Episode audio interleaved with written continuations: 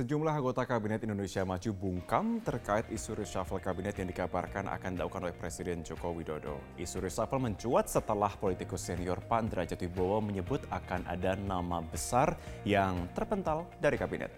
Sayup-sayup kabar reshuffle kabinet kembali santer menjelang hari ini, Rabu Pon 15 Juni 2022. Seperti diketahui, Rabu Pon kerap dipilih oleh Presiden Joko Widodo ketika merombak kabinetnya. Politikus senior PAN Derajat Wibowo menyebut, akan ada nama besar yang terpental dari Kabinet Indonesia Maju. Derajat juga menyebut bahwa PAN yang baru masuk sebagai anggota koalisi akan mendapat jatah kursi di Kabinet Jokowi. Pernyataan derajat tersebut kemudian membuat publik sibuk mencari bocoran siapa nama besar yang bakal keluar dari kabinet.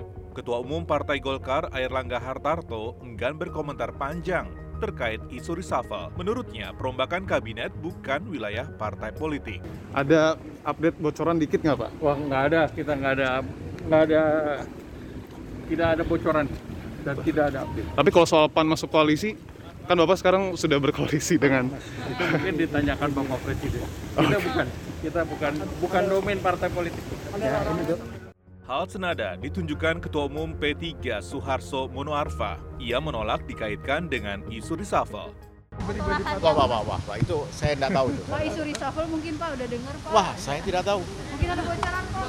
Pengamat politik Adi Praitno menduga, meskipun ada tuntutan untuk memasukkan PAN ke dalam kabinet, pimpinan partai politik yang duduk di kabinet saat ini tetap aman. Pasalnya, Presiden Joko Widodo dinilai ingin menjamin stabilitas politik menjelang 2024. Reshuffle mungkin dilakukan Presiden Joko Widodo kepada menteri dari kalangan non-partai politik.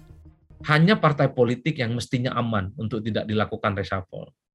Sekalipun ada kader-kader partai di reshuffle, paling mungkin dia di disposisi, ditempatkan di posisi yang lainnya. Tapi sangat beresiko kalau Jokowi melakukan reshuffle kabinet. Mengurangi jatah menteri yang saat ini dimiliki oleh partai. Itu yang saya sebut sebagai ancaman uh, di stabilitas politik gitu ya. Karena akan memunculkan resistensi dan perlawanan dari dalam. Di luar itu semua, saya kira Pak Jokowi akan sangat mungkin melakukan reshuffle kabinet karena stabilitas itu adalah prasyarat di mana Jokowi bisa nikmat landing dengan bagus untuk 2024. Berdasarkan hasil survei Carta Politika, dorongan publik kepada Presiden untuk melakukan reshuffle cukup kuat. Sebagian besar responden atau 63,1 persen menyatakan setuju apabila Presiden melakukan perombakan kabinet. Sementara yang tidak setuju reshuffle sebanyak 24,3 persen. Pemirsa Koperasi hingga kini memainkan peran cukup vital dalam menggerakkan ekonomi masyarakat Flores NTT. Salah satu pusat koperasi yang berdiri sejak tahun 1972 yakni Puskopdit Flores Mandiri bahkan telah melahirkan 40 koperasi di tiga kabupaten di Flores dengan total aset hampir 2 triliun rupiah.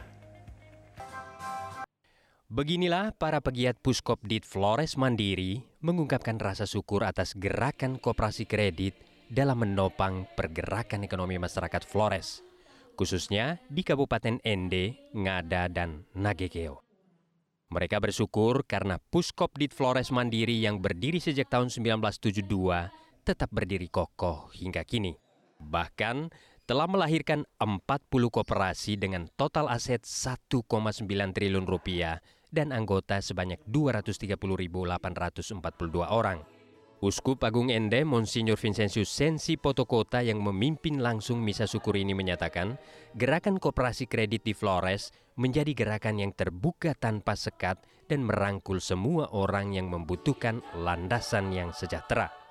Menurut Uskup Vincent, melalui gerakan koperasi kredit, para pegiatnya telah sangat sukses merangkul semua orang untuk menghayati kesejahteraan bersama secara nyata ini sesuatu yang memang menggembirakan di tengah kondisi kehidupan dalam berbangsa dan bernegara yang membutuhkan sangat suatu uh, landasan ya suatu landasan kehidupan yang uh, sejahtera kehidupan yang penuh damai penuh kerukunan.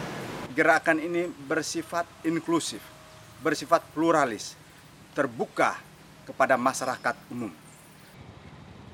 Koperasi kredit Flores Mandiri ini diprakarsai oleh seorang pastor Serikat Sabda Allah atau SVD asal Belanda bernama BJ Bak di Biara Santo Yosef Ende pada tahun 1972. Pemimpin tertinggi Provinsi SVD Ende, Pastor Lukas juga berharap nilai utama koperasi kredit ini seperti kepercayaan, kejujuran, solidaritas, cinta kasih, persatuan, dan disiplin tetap dikedepankan. Kami yakin uang itu merupakan buah, buah yang akan uh, dihasilkan dari nilai itu.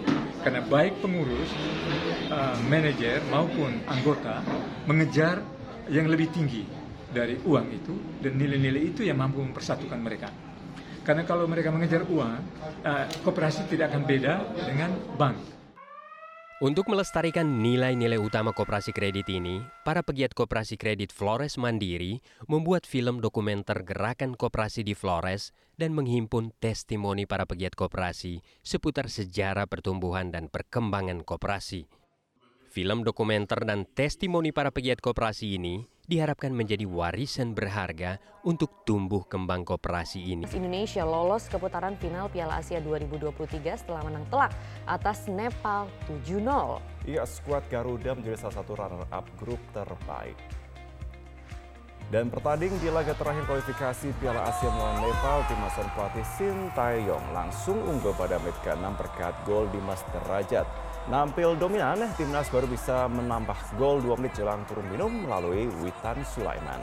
Nah, 9 menit babak kedua bergulir, sontekan dari Fahrudin Arianto menambah gol menjadi 3-0. Dan satu menit berselang, giliran Sadil Ramdhani yang mencatatkan namanya di papan skor 4-0. Tidak hanya itu, pemirsa di menit ke-80, Elkan Bagot ikut menyumbang gol lewat tendangan kerasnya dari keluar kotak penalti. Selanjutnya, gol kedua Witan dan Marcelo memperbesar kedudukan menjadi 7-0 hingga akhir laga ini. Dengan kaki kiri ya, tendangannya tidak terlalu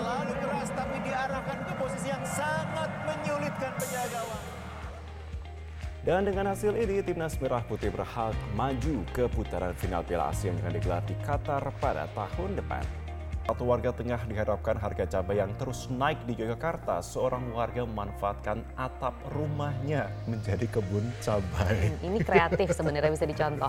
Nah, Daliman warga Gemblakan Atas Kelurahan Suryat Majan, Kecamatan Danurejan, Kota Yogyakarta ini membudidayakan cabai di atap rumahnya. Jumlahnya kini mencapai lebih dari 250 pohon yang ditanam dalam galon bekas air mineral. Di tengah melambungnya harga cabai, ia pun mendapat keuntungan.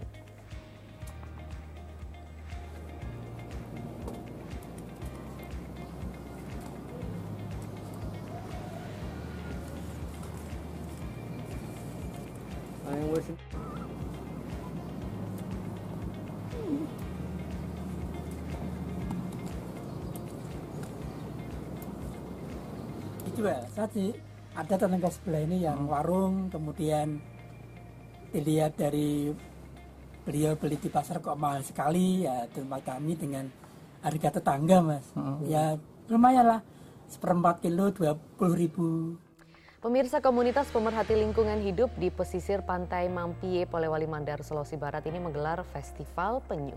Tujuannya untuk mengampanyekan isu lingkungan hidup serta melestarikan penyu dan hewan laut lainnya dari kepunahan. Nah, Festival Penyu 2022 yang digelar oleh komunitas sahabat penyu di Kabupaten Polewali Mandar, Sulawesi Barat sempat tertunda selama dua tahun akibat pandemi COVID-19. Kemudian festival yang di keempat kalinya ini digelar di pesisir pantai Mampie, Desa Galeso, Kecamatan Wonomulyo dengan tema Kembali ke Laut. Berbagai kegiatan digelar seperti lomba perahu, tema konservasi, pemakai permainan anak-anak, serta edukasi tentang penyu dan hewan laut lainnya yang hidup di laut. Dan tidak hanya warga yang ikut terlibat, peserta dari mancanegara juga terlihat terlibat dalam kegiatan ini. Mahalnya harga cabai di pasaran, petani cabai di Jember, Jawa Timur justru mengalami kerugian. Tanaman mereka terserang hama antra nosa, cacar buah, dan cacar daun yang mengakibatkan kematian tanaman cabai. Langkah pengobatan dan penyemprotan tanaman sudah dilakukan, namun tidak berdampak signifikan menanggulangi penyebaran penyakit ini. Pemirsa tanaman cabai di Desa Kepanjen, Kecamatan Gumukmas, Jember, Jawa Timur rusak akibat terserang hama antraknosa, cacar daun maupun cacar buah. Hama ini menyebabkan tanaman cabai mati. Hama antraknosa menyerang sejak sebulan terakhir pada saat tanaman memasuki usia dua bulan. Daun tanaman menjadi keriting, batang tanaman kering hingga menyebabkan kematian. Langkah pengobatan berupa penyemprotan hama dilakukan berkali-kali namun tidak berdampak positif. Hal ini juga disebabkan faktor cuaca yang mudah berubah dari kondisi panas kering namun tiba-tiba turun hujan yang sangat deras. Sejumlah tanaman cabai sempat berbuah namun sebagian besar buahnya rusak dengan kondisi kering dan juga membusuk. Produktivitas hasil panen pun turun drastis. Kondisi ini sangat merugikan para petani di tengah kenaikan harga cabai di pasaran. Sedikitnya ada 100 hektar lebih tanaman cabai di lima kecamatan terserang penyakit cacar buah. Kecamatan terparah yakni di Gumukmas, Jombang, dan Umbul Sari, Jawa Timur.